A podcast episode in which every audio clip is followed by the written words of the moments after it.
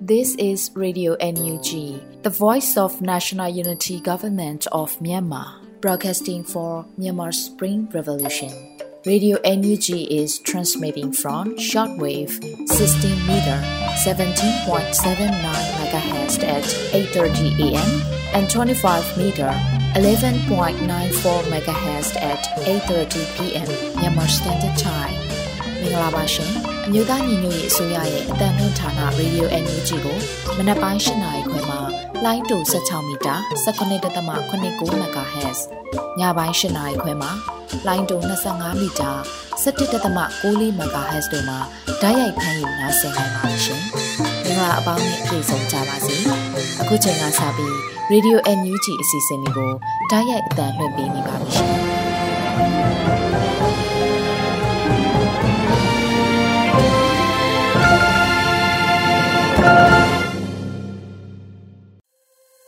မြန်မာနိုင်ငံသူနိုင်ငံသားအပေါင်းတဘာဝပြီးစစ်အာဏာရှင်ပြီးကနေကင်းဝေးပြီးဘေးကီလုံခြုံကျန်းမာကြပါစေလို့ရေဒီယိုအန်ယူဂျီအဖွဲ့သားများကဆုတောင်းမေတ္တာပို့သလိုက်ရပါတယ်ရှင်ပထမဆုံးအနေနဲ့ကာကွယ်ရေးဝန်ကြီးဌာနရဲ့စစ်ရေးသတင်းအကျဉ်းချုပ်ကိုຫນွေဦးအလင်ကမှတင်ပြပေးမှာဖြစ်ပါတယ်ရှင်ကာကွယ်ဝင်ကြီးဌာနအမျိုးသားညီညွတ်ရေးဆိုရမှာ အောက်တိုဘာလ22ရက်နေ့2022ခုနှစ်ထုတ်ဝေတဲ့စစ်ရေးသတင်းချင်းချုပ်ကိုတင်ဆက်ပေးတော့မှာဖြစ်ပါတယ်။စစ်ကောင်စီတပ်သားတဦးသေဆုံးပြီး၄ဦးထိခိုက်ဒဏ်ရာရရှိခဲ့ကြောင်းသတင်းရရှိပါရခင်ဗျာ။စစ်ကောင်စီနဲ့တိုက်ပွဲဖြစ်ပွားမှုသတင်းတွေကိုတင်ဆက်ပေးကြပါမယ်။စကိုင်းတိုင်းမှာအောက်တိုဘာလ22ရက်နေ့မနက်9:30မိနစ်အချိန်ခန့်ကရွှေဘိုမြို့နယ်ရွှေဘိုမြို့တောင်ဘက်အထွက်မုတ်ပေါအနီးစစ်စေးရေးလုပ်နေတဲ့စစ်ကောင်စီတပ်သားရဲများကို ပြည်သူ့ကာကွယ်တပ်မတော်ရွှေဘိုခရိုင်တရင်က Black Wolf PDF အဖွဲ့တို့မှဘုံတီနဲ့နှစ်ချက်ပစ်ခတ်တိုက်ခိုက်ခဲ့ရာစစ်ကောင်စီတပ်သား၃ဦးပြင်းထန်စွာဒဏ်ရာရရှိခဲ့ကြောင်းသတင်းရရှိပါရခင်ဗျာအောက်တိုဘာလ22ရက်နေ့ည9:16မိနစ်အချိန်ခန့်ကရွှေဘိုမြို့နယ်ပန်းလိုင်ကျွော်မှာတက်ဆွဲထားတဲ့စစ်ကောင်စီတပ်သားနဲ့ပြူစောထီများကားတစ်စီးဆိုင်ကယ်လေးစီးနဲ့ ပန်းလိုင်ရွာတောင်ဘက်ကျွန်းစိတ်လန်းဘက်သို့ထွက်လာစဉ်မှာရွှေဘုံမြို့နယ်ပကဖတိုက်နယ်6အဖွဲ့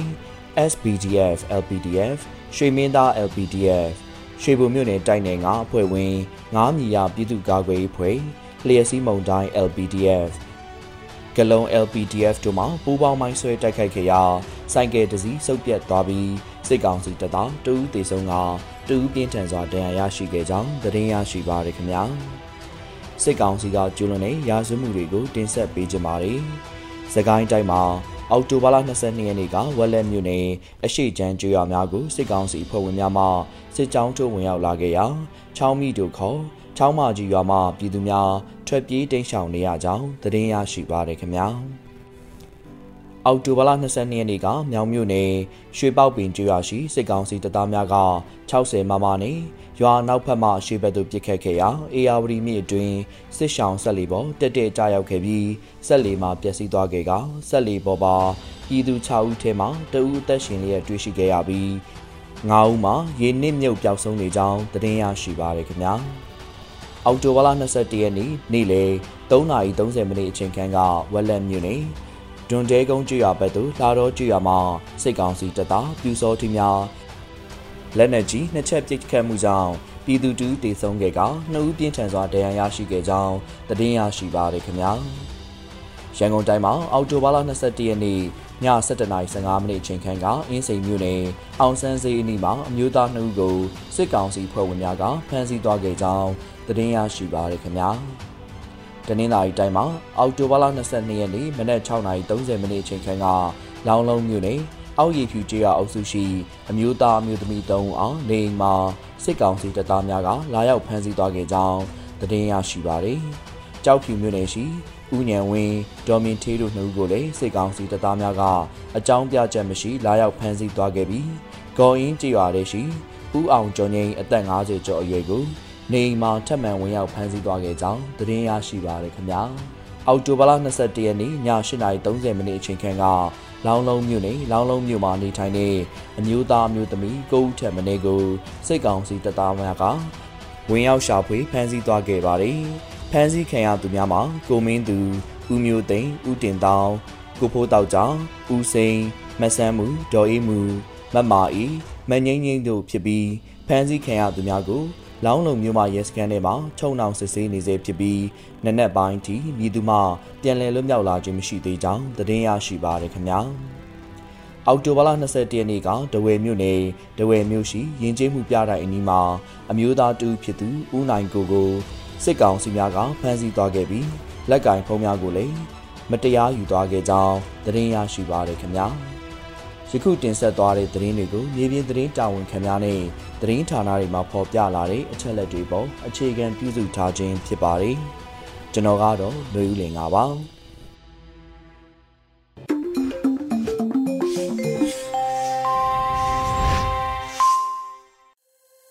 ဆက်လက်ပြီး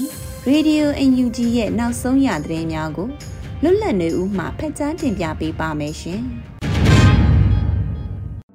မင်္ဂလာပါခင်ဗျာအခုချိန်ကစပြီးအော်တိုဘာလ23ရက်နေ့မနေ့ပိုင်းပြည်တွင်းသတင်းများကိုတင်ဆက်ပေးပါတော့မယ်ကျွန်တော်ကတော့လွတ်လပ်နေဦးပါပထမဆုံးမြန်မာနွေဦးတော်လိုင်းရေးကာလအတွင်းမှာကြာရောက်တဲ့ဒီပါဝလီနေ့ရက်မြတ်ကိုတော်လန်သောအထိတ်မှတ်နဲ့ပူးတွဲရှင်တွဲခံယူကြတဲ့အတွက်အမျိုးသားညွေရေးဆိုရကိုစားလှိုက်လိုက်လဲလဲဥညွတ်မိတယ်လို့ယာယီသမရဒူဝါလရှိလာကပြောကြားလိုက်တဲ့သတင်းကိုတင်ပြပေးပါမယ်မြမနွေဦးတော်လိုင်းကာလအတွင်းမှာ ကြာရောက်တဲ့ဒီပါဝလီနေ့ရက်မြတ်ကိုတော်လန်သောအထိတ်မှနဲ့ပူးတွဲရှင်တွဲခံယူကြတဲ့အတွက်မြို့သားညွေရေးဆိုရကိုစားလှိုက်လိုက်လဲလဲဥညွတ်မိတယ်လို့ယာယီသမရဒူဝါလရှိလာကပြောကြားလိုက်တယ်လို့ဆိုပါတယ်အော်တိုဘာလ22ရက်မြမဟိန္ဒူစည်းရုံးကဦးစီးကျင်းပသောဒီပါဝလီနေ့အထိမ်းအမှတ်အခမ်းအနားမှာအမျိုးသားညွေရေးဆိုရယာယီသမရဒူဝါလရှိလာကအခုလိုပြောဆိုလိုက်တာပါ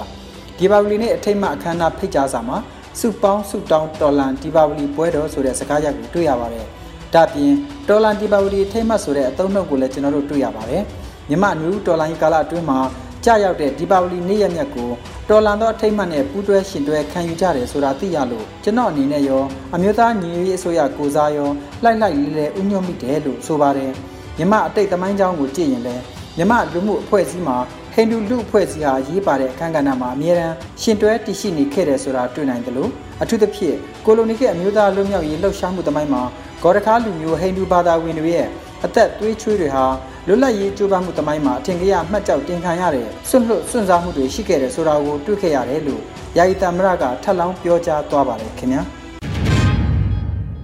ပြည်ထောင်စုလွှတ်တော်ကိုစားပြုကော်မတီရဲ့ပုံမှန်လုပ်ငန်းညှိနှိုင်းစည်းဝေးတွင်အမျိုးသားညွေရေးဆိုရပြည်ထရေးနဲ့လူဝင်မှုကြီးကြပ်ရေးဝန်ကြီးဌာနကဝန်ကြီးဌာနရဲ့ဆောင်ရွက်ချက်များအားတင်ပြဆွေးနွေးခဲ့တဲ့သတင်းကိုဖတ်ကြားပေးပါမယ်။ ပြည်ထောင်စုလွှတ်တော်ကိုစားပြုကော်မတီရဲ့ပုံမှန်လုပ်ငန်းညှိနှိုင်းစည်းဝေးတွင်အမျိုးသားညွေရေးဆိုရပြည်ထရေးနဲ့လူဝင်မှုကြီးကြပ်ရေးဝန်ကြီးဌာနကဝန်ကြီးဌာနရဲ့ဆောင်ရွက်ချက်များအားတင်ပြဆွေးနွေးခဲ့ပါတယ်။အော်တိုဘာလ22ရက်နေ့ဗီဒီယိုကွန်ဖရင့်မှတဆင့်တွေ့ဆုံပွဲကိုကျင်းပခဲ့တယ်လို့ပြည်ထောင်စုလွှတ်တော်ကိုစားပြုကော်မတီကဖော်ပြအသိပေးပါတယ်။ပထမဦးစွာပြည်ထောင်စုလွှတ်တော်ကိုစားပြုကော်မတီဥက္ကဋ္ဌဦးအောင်ကြည်ညွန့်ကအဖွင့်မှာစကားပြောကြားပြီးနောက်မှာပြည်ထရေးနဲ့လူဝင်မှုကြီးကြပ်ရေးဝန်ကြီးဌာနပြည်သူ့အုပ်ချုပ်ရေးဦးစီးဌာန ညွှန်ကြားရေးမှူးချုပ်ကဝန်ကြီးဌာနရဲ့တနှစ်တာမဟာဗျူဟာချမှတ်လှုပ်ဆောင်နိုင်မှုအခြေအနေများနဲ့ဆက်လင်းလို့တရားဥပဒေစိုးမိုးရေးကဏ္ဍ CDM ထောက်ပံ့နိုင်မှုကဏ္ဍပြည်သူ့အုပ်ချုပ်ရေးကဏ္ဍဂျားကာလအုပ်ချုပ်ရေးလုပ်ငန်းဆောင်ရွက်ချက်များနဲ့အတူတွေ့ကြုံရတဲ့စိန်ခေါ်မှုများအားရှင်းလင်းတင်ပြခဲ့ပါတယ်။၎င်းနောက်တက်ရောက်လာကြတဲ့အဖွဲ့ဝင်များကပြည်သူ့အုပ်ချုပ်ရေးကိစ္စရပ်များနဲ့ဆက်လင်းလို့အသီးသီးဆွေးနွေးမေးမြန်းရာပြည်ထရေးနဲ့လူဝင်မှုကြီးကြပ်ရေးဝန်ကြီးဌာနအမြဲတမ်းအတွင်းဝန်ကမေးခွန်းများကို ပြန်လည်ရှင်းလင်းဖြေကြားခဲ့ပြီးသက်ဆိုင်ရာကဏ္ဍလိုက်ပါဝင်ကူညီဆောင်ရွက်နိုင်မဲ့လုပ်ငန်းစဉ်များဆက်လက်ဆွေးနွေးခဲ့ကြပါတယ်။ထို့နောက်ပုံမှန်လုပ်ငန်းညှိနှိုင်းစည်းဝေးအားဆက်လက်ကျင်းပရာရေးရာကော်မတီများအနေဖြင့်လုပ်ငန်းများဆောင်ရွက်ထားရှိမှုခြေအနေတို့အားတင်ပြအစည်းခံ၍ရှစ်ဆက်အကောင့်ထဲပေါ်ဆောင်ရွက်မဲ့လုပ်ငန်းများကိုညှိနှိုင်းဆွေးနွေးခဲ့ပါတယ်။အစည်းအဝေးသို့ပြည်ထောင်စုလွှတ်တော်ကိုစားပြုကော်မတီဥက္ကဋ္ဌအတွင်းရေးမှူးများနဲ့အဖွဲ့ဝင်များ ရေးရကော်မတီများမှဥက္ကဋ္ဌများအတွင်းရေးမှူးများပြည်ထရေးနဲ့လူဝင်မှုကြီးကြပ်ရေးဝန်ကြီးဌာနအမြဲတမ်းတွဲဘက်တွင်ဒေါက်တာလှိုင်မြင့်ဟန်ပြည်သူ့အုပ်ချုပ်ရေးဦးစီးဌာနညွှန်ကြားရေးမှူးချုပ်နဲ့ရုံးအဖွဲ့များတက်ရောက်ခဲ့ကြတယ်လို့သိရှိရပါတယ်ခင်ဗျာဆက်လက်ပြီးအမျိုးသားညွေရေးအစိုးရဟာຫນွေဦးတော်လှန်ရေးကိုအမြန်ဆုံးအပိသတိုက်ပွဲဝင်ကျင်တာလို့ဖက်ဒရယ်ရေးရာဝန်ကြီးကဆိုလိုက်တဲ့သတင်းကိုဖတ်ကြားပေးပါမယ်။အမျိုးသားညွေရေးအစိုးရဟာအမြန်ဆုံးအပိသတိုက်ပွဲဝင်ကျင်နေတယ်လို့ ဒေါက်တာဆလိုင်းလျံမွန်းစာခေါင်းကပြောကြားလိုက်ပါတယ်။အော်တိုဘာလ22ရက်နေ့မှာကျင်းပတဲ့ဖက်ဒရယ်ရေးရာဝန်ကြီးဒေါက်တာဆလိုင်းလျံမွန်းစာခေါင်းနဲ့တောင်ကိုရီးယားရောက်ချင်းလူမျိုးတို့တွေ့ဆုံပွဲအခမ်းအနားမှာဝန်ကြီးအခုလိုပြောကြားခဲ့ပါတယ်။ကျွန်တော်တို့ဖြစ်စေချင်တာကဒီဒေါ်လာကြီးကိုအမြန်ဆုံးနဲ့တက်တန်းအတူတောင်းဆုံးကာလမှာအပိတတိုက်ပွဲဝင်ချင်တယ်။ဘာလို့လဲဆိုတော့ပြည်သူလူထုရဲ့ဒုက္ခကဘလို့မှခံစားလို့မရဘူး။မင်းအောင်လှိုင်ရဲ့တောင်းကြမှုကတော့အလုံးသိတဲ့အတိုင်းပဲလို့ဆိုပါတယ်။ ဒါ့အပြင်စစ်ကောင်စီကိုမြစ်ပြတ်အောင်တိုက်ထုတ်ရမယ်ဆိုတဲ့ပြည်သူလူထုရဲ့စိတ်ဓာတ်ကိုလည်းလေးစားရမယ်လို့ဖက်ဒရယ်ရေးရာဝန်ကြီးကထပ်လောင်းပြောပါတယ်။2023ခုနှစ်မှာနွေဦးတော်လိုင်းကြီးကိုပြည်သဆောင်ရွက်မယ်လို့လည်းအမျိုးသားညီရေးအစိုးရကတနစ်တာစီမံချက်အနေနဲ့ကြေညာအသိပေးထားပါတယ်ခင်ဗျာမြန်မာကျပ်ငွေတန်မိုးမဲ့သွားအောင်စစ်ကောင်စီလုပ်နေတယ်လို့ပြည်ထောင်စုဝန်ကြီးဒေါက်တာတူးခေါင်ကပြောကြားလိုက်တဲ့သတင်းကိုတင်ပြပေးပါဦးမယ်မြန်မာကျပ်ငွေတန်မိုးမဲ့သွားအောင်စစ်ကောင်စီကပဲလုပ်နေတာဖြစ်တယ်လို့ ပြည်ထောင်စုဝန်ကြီးဒေါက်တာတူးခေါင်ကပြောကြားလိုက်တာပါအော်တိုဘာလ22ရက်နေ့လူမှုကွန်ရက်မှာမြန်မာနိုင်ငံနဲ့ပတ်သက်လို့ပြည်ထောင်စုဝန်ကြီးဒေါက်တာတူးခေါင်ကအခုလိုရေးသားပြောဆိုလိုက်ပါတယ်စစ်ကောင်စီဟာတိတ်မကြသေးခင်မှာ Counter Terrorism Financing ဆိုတဲ့အလုပ်အဖွဲ့ဖွဲ့ပြီး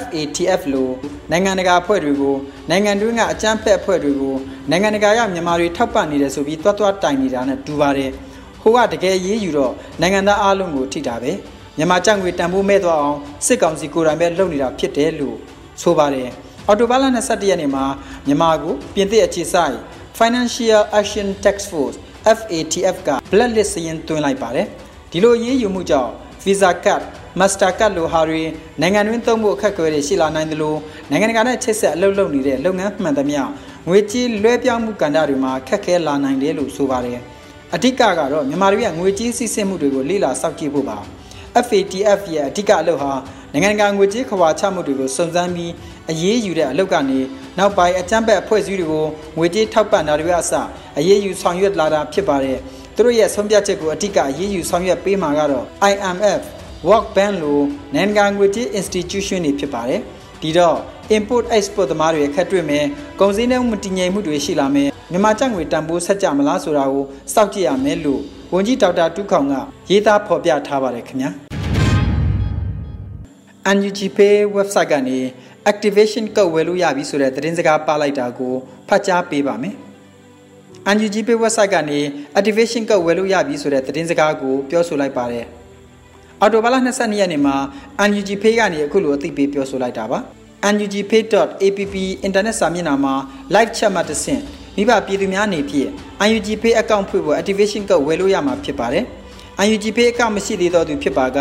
UNG Pay account ရှိထားပြီးတော့မိမိရဲ့မိသားစုဝင်မိတ်ဆွေများအကူအညီနဲ့ငွေပေးချေရမှာဖြစ်တယ်လို့ဆိုပါတယ် activation code ကိုဝယ်ယူရန်အသိမိတ်ဆွေရဲ့ UNG Pay account ဥစွာလိုအပ်ကာ signal နံပါတ်နဲ့ email လိပ်စာတို့လိုအပ်မှာဖြစ်ပါတယ်လို့သိရှိရပါတယ်ခင်ဗျာ Spring Yangon Investment Phase 2ရဲ့စီမံကိန်းများတဲ့ကတော်ဝင်နေဦးစီမံကိန်း ပေ40ပေ60မြေကွက်များအယောင်းစတင်ပြီးမိနစ်90အတွင်းအလုံးရောင်းကုန်သွားတဲ့အကြောင်းကိုဖတ်ကြားတင်ပြပေးပါမယ်။ Spring Yangon Investment Phase 2ရဲ့စီမံကိန်းများတဲ့ကတော်ဝင်နေဦးစီမံကိန်းရဲ့ပေ40 60မြေကွက်များအယောင်းစတင်ပြီးမိနစ်90အတွင်းအလုံးရောင်းကုန်ခဲ့ပါတယ်။အခုလိုရောင်းကုန်ခဲ့တဲ့သတင်းတွေကိုတော့အော်တိုဘာလ22ရက်နေ့မှာ Android Dictatorship ကအသိပေးပြောဆိုပါတယ်။တော်လန်ရေးဟာရှေ့သို့ချီလာတာနဲ့တပြိုင်တည်းထပ်ဖို့ရဲဘော်များကလည်းနောက်ကျမနေခဲ့ပါဘူး အရေးတကြီးလိုအပ်နေတဲ့ဘဏ္ဍာရေးကိုဖြည့်ဆည်းဖို့ဖော်ဆောင်ခဲ့တဲ့ Spring Yangon Investment Phase 2ရဲ့စီမံကိန်းများနဲ့ဗဟန်းမြို့နယ်ကတော်ဝင်တွေဦး40ပေ60ပေမြေကွက်များဟာအယောင်စတင်ပြီးမိနစ်90အတွင်းရောင်းကုန်သွားပါပြီဒေါ်လာရေးကာလအတွင်း US ဒေါ်လာ28,800ပေးသွင်းရတဲ့မြေကွက်120ဖြစ်ပါတယ်လို့ဆိုပါတယ်အော်တိုဘာလ22ရက်နေ့မှာစတင်ရောင်းချခဲ့တဲ့အခြားစီမံကိန်းများဖြစ်တဲ့တော်ဝင်တွေဦးပေ60 80နဲ့ တောင်ငကုံကຫນွေဦးအောင်လန်စီမံကိန်းများအားလုံးဟာလည်းအရှိန်အဟုန်နဲ့ရောင်းချနေရတယ်လို့အသိပေးပြောဆိုခဲ့ပါတယ်ခင်ဗျာ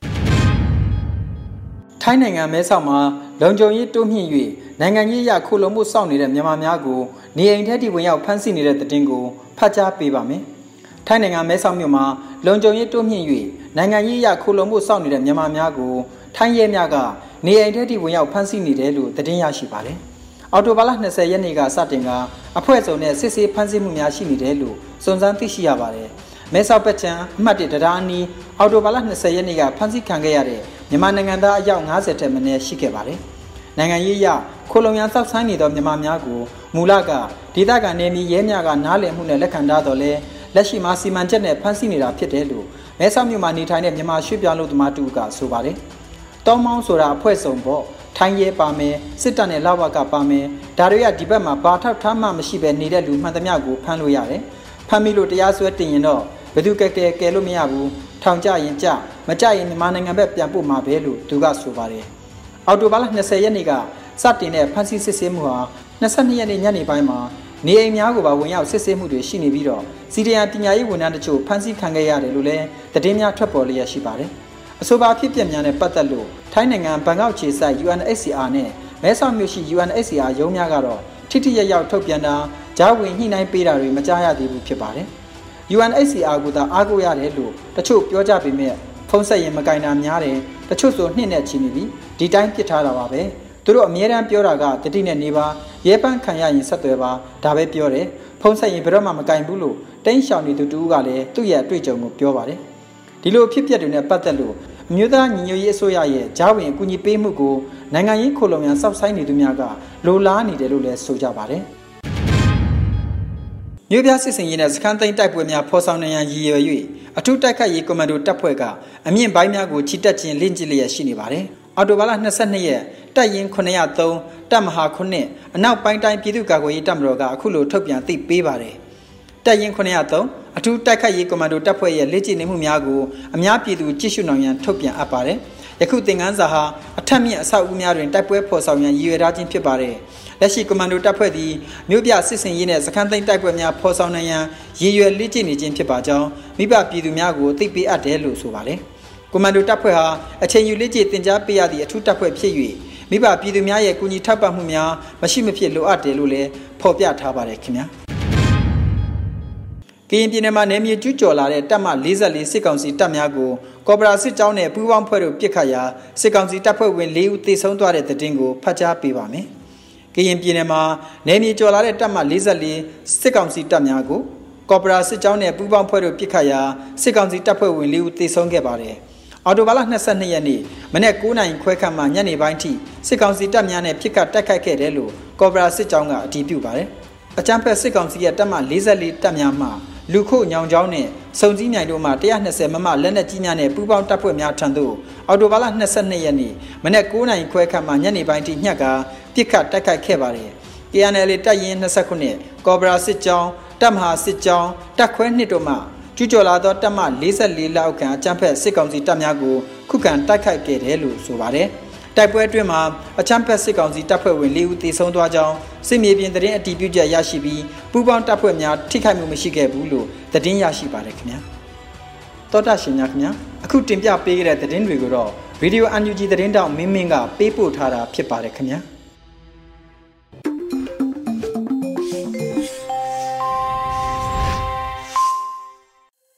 ရေဒီယိုအန်ယူဂျီမှဆက်လက်အသံလွှင့်နေပါတယ်။အခုတစ်ဖက် ပြည်သူခုခံတော်လှန်စစ်တရင်များကိုကျော်နေဦးမှတင်ဆက်ပေးမှာဖြစ်ပါတယ်ရှင်။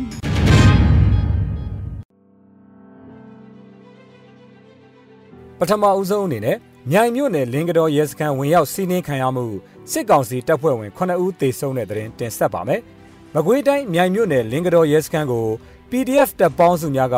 ယမနေ့21ရက်10လ2022ရက်နေ့မှာဝင်ရောက်စီးနင်းမှုတွင် စစ်ကောင်စီတပ်ဖွဲ့ဝင်9ဦးသေဆုံးပြီးအများအပြားဒဏ်ရာရရှိကြောင်း PDF များကတရားဝင်သတင်းထုတ်ပြန်ပါတယ်။အော်တိုဘာလ21ရက်နေ့နေ့လယ်12နာရီဝန်းကျင်အချိန်မှာမြိုင်မြို့နယ်လင်းကတော်စခန်းကိုစလင်းကြီး Special Task Force SSTF ပြည်သူ့ကာကွယ်ရေးတပ်ဖွဲ့ရေစကြိုမြို့နယ်ပကဖမြိုင်ပြည်သူ့ကာကွယ်ရေးတပ်ဖွဲ့ပကဖတရင်နှင့်နဲ့ Earthquake People's Defense Force ညီနောင်မဟာမိတ်အဖွဲ့တို့ပူးပေါင်းပြီးဝင်ရောက်စီးနင်းတိုက်ခိုက်ခဲ့ကြောင်းရဲစခန်းကိုတိုက်ခိုက်နေစဉ်မှာ မွန်းလွဲ2နာရီခန့်အကြာတွင်စစ်ရဟတ်ယာဉ် MI-35 တစည်းဖြင့်အချက်ပေါင်းများစွာလာရောက်ပစ်ခတ်ခဲ့ကြောင်းသိရပါတယ်။ရဲစခန်းသိမ်းယူနေစဉ်မှာယမနေ့ညနေ6နာရီခွဲခန့်အကြာမှာလက်နက်ခဲယမ်းလိုအပ်ချက်အရစုခွာပေးခဲ့ရကြောင်းစစ်ကောင်စီတပ်ဖွဲ့ဝင်9ဦးသေဆုံးပြီးအများအပြားဒဏ်ရာရရှိကြောင်းသတင်းထုတ်ပြန်ထားပါတယ်။နောက်ဆုံးအနေနဲ့ပေါ့မြို့နယ်ရှိစစ်တပ်ကပ္ပစစက်ယုံတို့တအားပေးနေတဲ့ EPC ရုံးနဲ့အဆောင်ဂိတ်တို့ drone ဖြင့်ဘုံသီးချတိုက်ခိုက်ခံရတဲ့တဲ့ရင်ကိုတင်ဆက်ပါမယ်။ မကွေးတိုင်းပေါ့မြို့နယ်ရှိအကျန်းဖတ်စစ်တပ်ကပ္ပစစက်ယုံကိုဓာတ်အားပေးနေတဲ့ EBC ရုံးကို drone ဖြင့်ဘုံသီးကျတိုက်ခိုက်ခဲ့ကြောင်းသိရပါတယ်။အော်တိုဘာလ20ရက်နေ့မှာအကျန်းဖတ်စစ်တပ်ကပ္ပစကာကွယ်ရေးပစ္စည်းစက်ယုံနဲ့အဆောင်ဂိတ်ကိုဒေသခံကာကွယ်ရေးတပ်ဖွဲ့များက drone ဖြင့်ဘုံသီးချတိုက်ခိုက်ခဲ့ခြင်းဖြစ်ပါတယ်။၎င်းတိုက်ခိုက်မှုကိုအေယာနောက်ပျောက်ကြားတပ်ဖွဲ့ WAGF နဲ့မဟာမိတ်တပ်ဖွဲ့တို့ကပူးပေါင်းလှုပ်ဆောင်ခဲ့ခြင်းဖြစ်ကြောင်းသိရှိရပါတယ်ခင်ဗျာ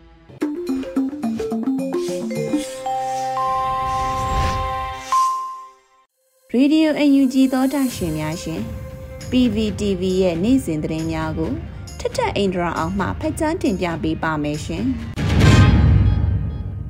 အခုချိန်ကစပြီး PVTV သတင်းတွေကိုတင်ဆက်ပေးတော့မှာပါ။ကျွန်မထထအင်ဒရာအောင်ပါ။ ပထမဆုံးတင်ဆက်ပေးမယ့်သတင်းကတော့အကြမ်းဖက်စစ်ကောင်စီလက်ချက်နဲ့ကြာဆုံးခဲ့ရတဲ့ကျန်းမာရေးလုပ်သားတွေနဲ့အပြစ်မဲ့ပြည်သူတွေအတွက်တရားမျှတမှုမဖြစ်မနေပြန်ယူပေးမယ်လို့ကျန်းမာရေးဝန်ကြီးဌာနထုတ်ပြန်လိုက်တဲ့သတင်းမှာအကြမ်းဖက်စစ်ကောင်စီရဲ့လက်ချက်နဲ့ကြာဆုံးခဲ့ရတဲ့ကျန်းမာရေးလုပ်သားတွေနဲ့အပြစ်မဲ့ပြည်သူတွေရဲ့မိသားစုနဲ့ထပ်တူဝမ်းနဲ့ကြေကွဲရတဲ့ဆိုတာနဲ့ ကျန်းမာရေးဝန်ကြီးဌာနအနေနဲ့အပြစ်မဲ့ကြဆုံးခဲ့ရသူတွေအတွက်တရားမျှတမှုကိုမဖြစ်မနေပြန်လည်ရယူပေးမယ်လို့အမျိုးသားညီညွတ်ရေးအစိုးရကျန်းမာရေးဝန်ကြီးဌာနကအောက်တိုဘာလ22ရက်ရက်စွဲနဲ့ကြေညာချက်တစ်စောင်ထုတ်ပြန်လိုက်တာပါထုတ်ပြန်ချက်ထဲမှာအကြံဖတ်စစ်ကောင်စီကအောက်တိုဘာလ20ရက်မှာစကိုင်းတိုင်းဒေသကြီးကတာခရိုင်ဗန်းမောက်မြို့နယ်မန်ယူဂျီကျေးရွာမှာရှိတဲ့ကုထုကုထပြည်သူစေယုံကို၎င်းအောက်တိုဘာလ22ရက်မှာဗ န်းမောက်မြို့နယ်ကြောင်လေကျေးရွာမှာရှိတဲ့ပြည်သူစေယုံဝန်ထမ်းအိမ်ယာနဲ့ခမ်းမတို့ကို၎င်းတိုက်ပွဲဖြစ်ပွားမှုမရှိဘဲတိုက်လေရင်တွေနဲ့ရည်ရွယ်ချက်ရှိရှိပြစ်မှတ်ထားပြီးတော့ဘုံကျဲပစ်ခတ်တိုက်ခိုက်ခဲ့တယ်လို့ဖော်ပြထားပါတယ်။ အကြမ်းဖက်စစ်ကောင်စီရဲ့လေရင်နဲ့ဘုံကျဲပစ်ခတ်တိုက်ခိုက်မှုတွေကြောင့်မန်ယူကြီးကြေးရွာမှာကိုထုကိုထပြည်သူစေုံတစ်ခုလုံးရစရာမရှိအောင်ပျက်စီးဆုံးရှုံးခဲ့ရုံမကအပြစ်မဲ့ပြည်သူဒေါခင်မာချိုအသက်45နှစ်လဲအသက်ဆုံးရှုံးခဲ့ရပြီးတော့ကလေးငယ်တွေအပါအဝင်တခြားပြည်သူ9ဦးထပ်မံထိခိုက်ဒဏ်ရာရရှိခဲ့တဲ့အပြင်နေအိမ်ငါးလုံးလဲမိလောင်ပျက်စီးခဲ့တယ်လို့ကနဦးသတင်းတွေကိုကိုကားပြီးကျန်းမာရေးဝန်ကြီးဌာနကဖော်ပြထားပါတယ်။ဒါအပြင်ကြောင်လဲကြီးရွာမှာလဲအကြမ်းဖက်စစ်ကောင်စီရဲ့လေရင်နဲ့ဘုံကျဲပစ်ခတ်တိုက်ခိုက်မှုတွေကြောင့်ပြည်သူစေယုံဝန်ထမ်းအိမ်ယာခမ်းမနဲ့နေအိမ်တချို့မိလောင်ပျက်စီးခဲ့ပြီးအပြစ်မဲ့ပြည်သူတအုပ်တေဆုံးကတခြားပြည်သူ9ဦးခန့်ထိခိုက်ဒဏ်ရာတွေရရှိခဲ့တယ်လို့ဆိုပါတယ်။အကြမ်းဖက်စစ်ကောင်စီကအာဏာသိမ်းတဲ့အချိန်ကစလို့2022ခုနှစ်ဩဂတ်လ31ရက်နေ့အထိကျန်းမာရေးလုပ်သား58ဦးကိုနှိပ်စက်တပ်ဖြတ်ခဲ့ပြီးတော့ကျန်းမာရေးလုပ်သား900ကျော်ကိုဖမ်းဆီးညှဉ်းပန်းခဲ့တဲ့အပြင် စေယုံစီကံ90ကျော်နဲ့လူနာတင်ရင်40ကျော်ကိုတိုက်ခိုက်ဖျက်ဆီးခဲ့တယ်လို့ဖော်ပြထားပါတယ်။အကြမ်းဖက်စစ်ကောင်စီကကျမ်းမာရေးကဏ္ဍအပေါ်ရည်ရွယ်ချက်ရှိရှိပြစ်မှတ်ထားပြီးအကြမ်းဖက်တိုက်ခိုက်နေတာက Geneva Convention နဲ့ကမ္ဘာကုလသမဂ္ဂလုံခြုံရေးကောင်စီဆုံးဖြတ်ချက်2286အပါအဝင်ပြည်တွင်းဥပဒေတွေနဲ့နိုင်ငံတကာဥပဒေတွေကိုပြောင်ပြောင်တင်တင်ချိုးဖောက်နေတာလည်းဖြစ်တယ်လို့ထောက်ပြထားပါတယ်။ အကြမ်းဖက်စစ်ကောင်စီရဲ့အဆိုပါအကြမ်းဖက်လုပ်ရက်တွေကိုအမျိုးသားညီညွတ်ရေးအစိုးရကျန်းမာရေးဝန်ကြီးဌာနကပြင်းထန်စွာရှုံချလိုက်ပြီးနိုင်ငံတကာအတိုင်းဝိုင်းအနေနဲ့ဖြစ်နိုင်တဲ့နီလန်းမှန်သမျှနဲ့ထိရောက်စွာတားဆီးအရေးယူဆောင်ရွက်ကြဖို့အတွက်လည်းတိုက်တွန်းထားပါတယ်။ အမျိုးသားညီညွတ်ရေးအစိုးရကျန်းမာရေးဝန်ကြီးဌာနကအကြမ်းဖက်စစ်ကောင်စီနဲ့အတူအကြမ်းဖက်လုပ်ရက်တွေမှာပါဝင်ခဲ့သူတွေအားလုံးကိုပြည်သူတရားဥပဒေနဲ့အညီပြင်းထန်စွာတုံ့ပြန်အရေးယူမှာဖြစ်တယ်ဆိုတာနဲ့ဆရာနာရှင်စနစ်ကြဆုံပြီး Federal Democracy ပြည်ထောင်စုကြီးပေါ်ပေါက်လာတဲ့အထိတိုင်းရင်းသားပြည်သူလူထုတရက်လုံးနဲ့လက်တွဲပြီးအစွမ်းကုန်ကြိုးပမ်းတိုက်ပွဲဝင်သွားမှာဖြစ်တယ်လို့လည်းထုတ်ပြန်ချက်မှာဖော်ပြထားပါတယ်။ကျေးဇူးတင်ပါတယ်ရှင်။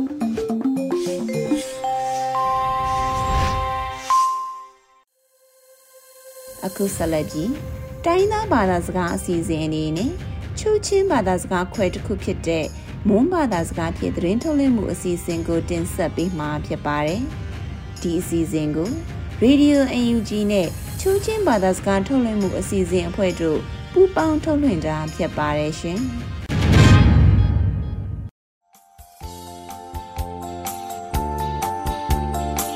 ချိုရီဒီယိုနမင်ငိုင်ကင်းဘာဖွင့်နက်တူနမရိုင်နော atum we khokum from kulam kuleri october pukyam kulik thumhum nyama khokron la khopong kang thuri mingai ba khani tung we mingai ba yang thuri leju kamble mangro kunga ctf kamble no avaka ba na ku buji tumat angdon kyangsen race ba ne khonghum re akro angriswin ka kyangsuk thru kuda sine ctf kamble no aprena thu เป็นในวัดปวดลงอะครับมันตัวอันบางส่วนอมจากข้าวเสนอที่ดูแห่นี้มาที่ดูกากว่า chidia khyo khu se ya ko ra kap ang mum ri la ang kri si kaung siang la kung thandlan la ha khang la tung ka na om ba ne angrisui tangka kyangsum kulik phada dum bagi sukija CNE CNF no abrina thupi mingai khani ami khum naka amunung kano donggia tu dacha tuman ndong ne asna ka ru humana omgija CNDF no abrina thupi mingai khani chutia ang thubyang thule ju financial action task force FATF no nyama khoju mukhiriyong basi North Korea la Iranon atanga blacklist sung amnon tu na omgija thuri yakini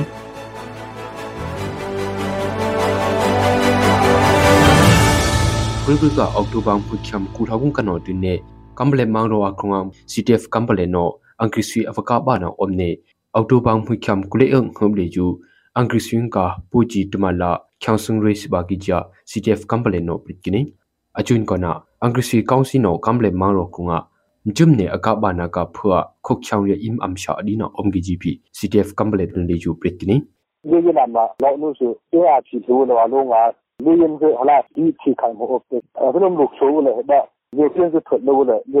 တော့အမအပ်ဒီကခင်ဆက်လက်လောထွက်လုံးတာတော့အမဆက်လုံးဇက်ခါကလေဒီတူဟန်နီမှာဒီတူကကွယ်တပ်ဖွဲ့တလောထုတ်ပြန်လိုက်လာရမယ်ဟာပေါ့နမ်းကြကကုန်းတာခါနကနာအရင်လုံးပရိုဖက်ရှင်လည်းဒီဒီစင်မချင်းတော့ဆောက်ကွာရှင်ကလေပုံကိုတင်ဘလက်ဆိုးလေဒီတာစီလိုက်တကခါတဲ့ချိုးတင်လေအတင်းစင်းတပြီးဟာတဲ့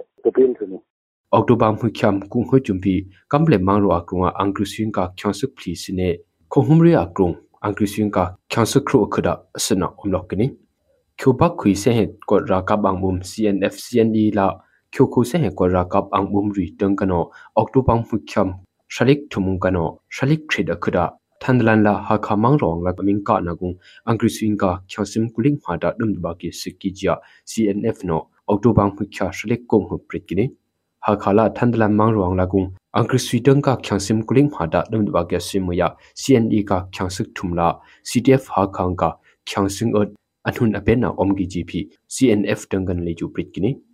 phalam mangrong om kya khala ya phya ri lak thru kip lek thedum ka tu da chak ko to le ju atushkum auto bang hu kya anghum cndf no akpanna opkini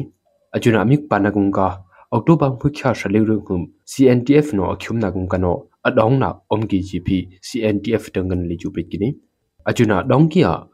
ka amishui ba na kung le ju October phukham kule un hum tuyung lut ne sakki jia ngai wa ya angri suya aro hu ba na omgi GP CNTF tangan le ju October phukham kule un hum aprina opkini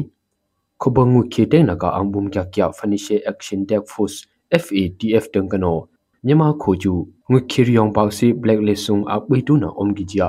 တမ်ဘာဖုချမ်ကလေအငုံအပရင်နာအုံကီနီအချူနာအမစ်ဝေဝယာ FATF တန်ကနောပင်ဒီကူဘယ်ရစ်မန်ရောင်အော်တိုဘမ်ဖုချမ်ကုံကနောမ်ကလေအခဒါမီဘီယာအမင်းရေနာကုံအချူနာမပရင်နေမြန်မာခွာကရုံလေးကျူငွေရီယောင်ပေါစီအဒပ်ဒမမ်ကနာအုံနေခိုဘုံဘုံနောလောက်ဝိုက်ဂျာမစ်ဘီယာလမ်ရီယွန်ကာလကတူနာဟင်းအုံစီအချူနမယာဘလက်လီဆုံအမစ်ဘီနာအုံခါဂျီယာ bribrika khyar yu thung yang na amsha job kini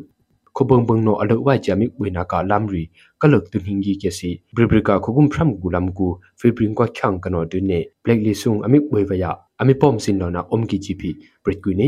ajuno mo ya myama kholi ju FATF tang kano blacklist sung ahak buina ka sho phasi myama kho ngui la ahi khong ka ngui rim tham lai na jumpi akilo na om ki gp amirung na op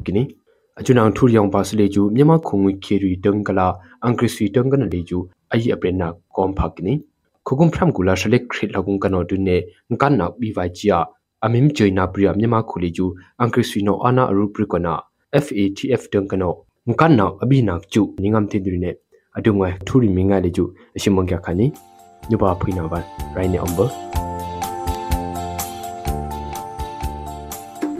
ဒုငွေထူရီမင်းငါလေကျူအရှိမုံကြခါနီညဘာဖိနာဘာရိုင်းနေအမ်ဘာဒီကနေ့ကတော့ဒီညနဲ့ပဲ Radio NUG ရဲ့အစီအစဉ်လေးကိုခਿੱတရနာလိုက်ပါမယ်ရှင်။မြန်မာစံတော်ချိန်မနက်၈နာရီခွဲနဲ့ည၈နာရီခွဲအချိန်တွေမှာပြန်လည်ဆုံတွေ့ကြပါစို့။ Radio NUG ကိုမနက်ပိုင်း၈နာရီခွဲမှာလိုင်းတူ16မီတာ19.8 MHz ညပိုင်း၈နာရီခွဲမှာလိုင်းတူ25မီတာ17.6 MHz တို့မှာဓာတ်ရိုက်ဖမ်းလို့နိုင်စေနိုင်ပါပြီ။ မြန်မာနိုင်ငံသူနိုင်ငံသားတွေကိုစိတ်နှပြကျန်းမာချမ်းသာလို့ဘေးကင်းလုံခြုံကြပါစေလို့ Radio NUG အဖွဲ့သူဖွဲ့သားတွေကဆုတောင်းမြတ်တာပို့တာလိုက်ရပါတယ်ရှင်။မြေသားညီမရေးအစိုးရရဲ့စက်သွေးရေးသတင်းအချက်အလက်နဲ့လူပညာဝန်ကြီးဌာနကထုတ်လွှင့်နေတဲ့ Radio NUG ဖြစ်ပါတယ်။ San Francisco Bay Area အခြေစိုက်မြန်မာမိသားစုတွေနဲ့နိုင်ငံတကာကစေတနာရှင်လို့အားပေးနေတဲ့ Radio NUG ဖြစ်ပါတယ်။အရေးတော်ပုံအောင်ရမည်